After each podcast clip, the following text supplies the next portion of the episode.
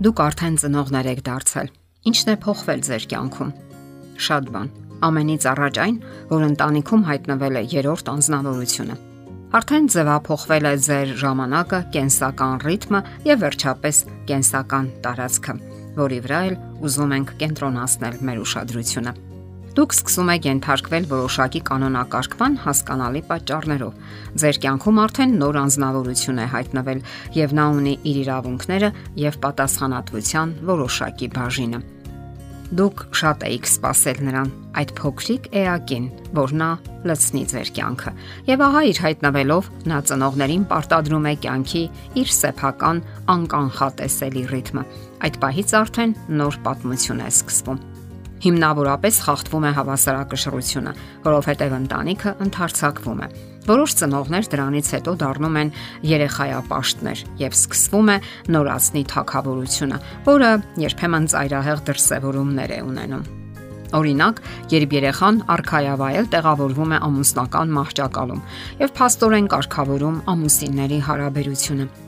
Տեղի է ունենում դերերի փոփոխություն։ Երեխան գրավում է ողջ կենսական տարածքը եւ զույգին չի հաջողվում պահպանել իր սեփականը, մերց հարաբերությունները։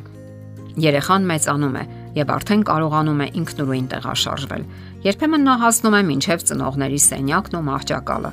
Ծնողները պետք է զգույշ լինեն, որpիսի երեխաները ոչ մի դեպքում ներկա չգտնվեն ամուսնական մերց հարաբերությունների տեսարանների։ Ամեն կերպ հարկավոր է այնպես տեղաբաշխել կենսական տարածքը, որ բացառվեն դրանք։ Եվ ահա շատ ծնողներ սահմանափակում են իրենց մերց հարաբերությունները կենսական տարածքի սահմանափակության պատճառով, որpիսի չվնասեն երեխայի հոգեբանությունը։ Արդյունքում ստացվում է հակասական իրավիճակ։ Ծնողները հայտնվում են կաշկանդված իրավիճակում, չեն կարողանում իրենց թույլ տալ դրսևորելու իրենց սերը։ Ընտանեկան թերապևտ Աննա Վարգան գրում է. Ծնողները գլխիվայր շրջում են իրավիճակը։ Նրանք այնպես են պահում իրենց, կարծես հարևան սենյակում իրենց ծնողները լինեն։ Այդ ձևով ստեղծվում են նևրոտիկ հարաբերություններ։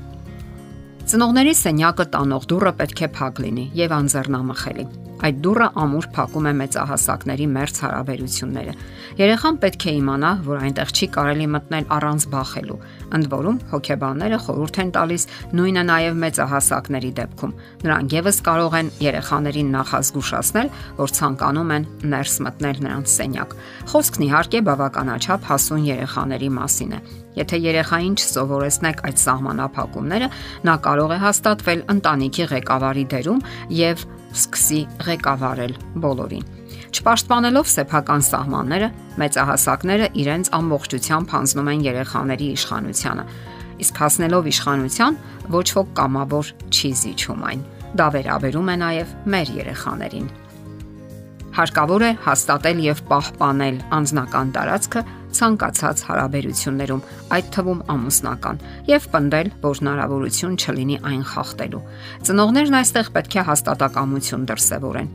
Պետք է կարողանալ ասել վերջնական ու անխախտ ոչը։ Պետք է հրաժարվել բավարարել երեխայի բոլոր պահանջները, իսկ դրանք միտում ունեն վերաճելու կամայականության ու քմահաճության։ Տղամարդն ու կինը պետք է սահմանագծեն ու պաշտպանեն իրենց այն կենսական տարածքը, որտեղ կարող են ազատ առանց լարվելու եւ կաշկանդվելու տրվել իրենց զգացմունքներին, ներառյալ զրույցները եւ սեռական հարաբերությունը։ Չէ որ դա նրանց կյանքն է, անznական ոլորտը։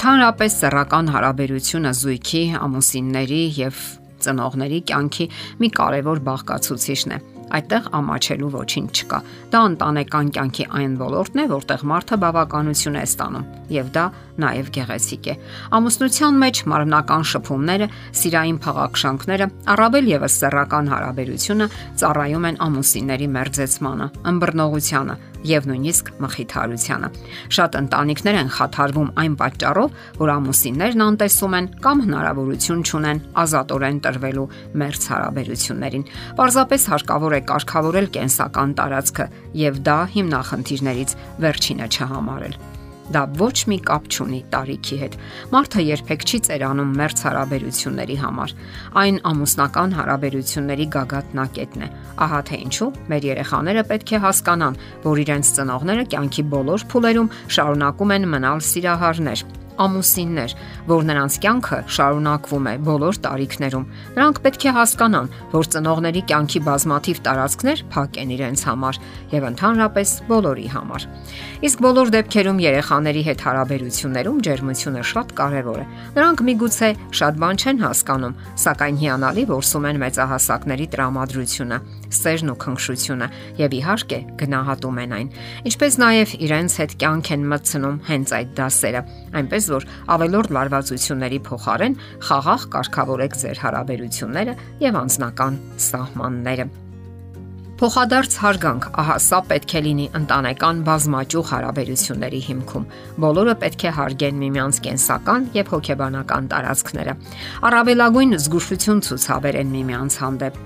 եւ վաղ հաստատված սահմանափակումները երեխային, իսկ հետո նաեւ դեռահասին սովորեցնում են ապրելու փոխադարձ հարգանքի սկզբունքներով։ Եթերում է ընտանիք հաղորդաշարը։ Հարցերի եւ առաջարկությունների համար զանգահարել 033 87 87 87 հեռախոսահամարով։